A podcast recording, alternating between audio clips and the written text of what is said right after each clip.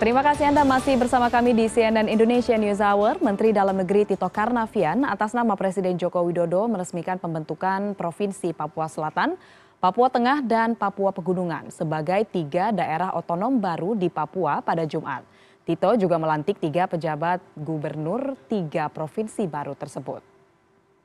Indonesia resmi memiliki total 37 provinsi usai bertambahnya tiga daerah otonomi baru di Papua. Tiga provinsi baru tersebut adalah Papua Selatan, Papua Tengah, dan Papua Pegunungan. Provinsi Papua Selatan meliputi Kabupaten Marauke, Bovendigul, Mapi, dan Kabupaten Asmat. Ibu kota Provinsi Papua Selatan berada di Kabupaten Marauke. Adapun wilayah Provinsi Papua Tengah meliputi Kabupaten Nabire, Puncak Jaya, Paniai, Mimika, Puncak, Dogiai, Intan Jaya, dan Deyai. Provinsi Papua Tengah memiliki ibu kota di Kabupaten Nabire.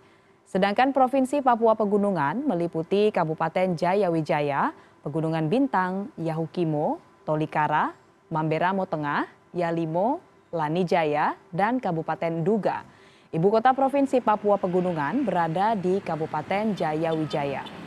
Untuk mengisi kekosongan pemerintahan, Mendagri Tito Karnavian telah menunjuk tiga penjabat gubernur di tiga provinsi baru tersebut sebelum ditentukan gubernur definitif pada pemilu 2024. Dikutip dari cnnindonesia.com, pemekaran tiga provinsi baru di Papua sudah disepakati oleh DPR dan pemerintah seiring disahkannya tiga undang-undang tentang Provinsi Papua Selatan, Papua Tengah, dan Papua Pegunungan pada akhir Juni 2022 lalu.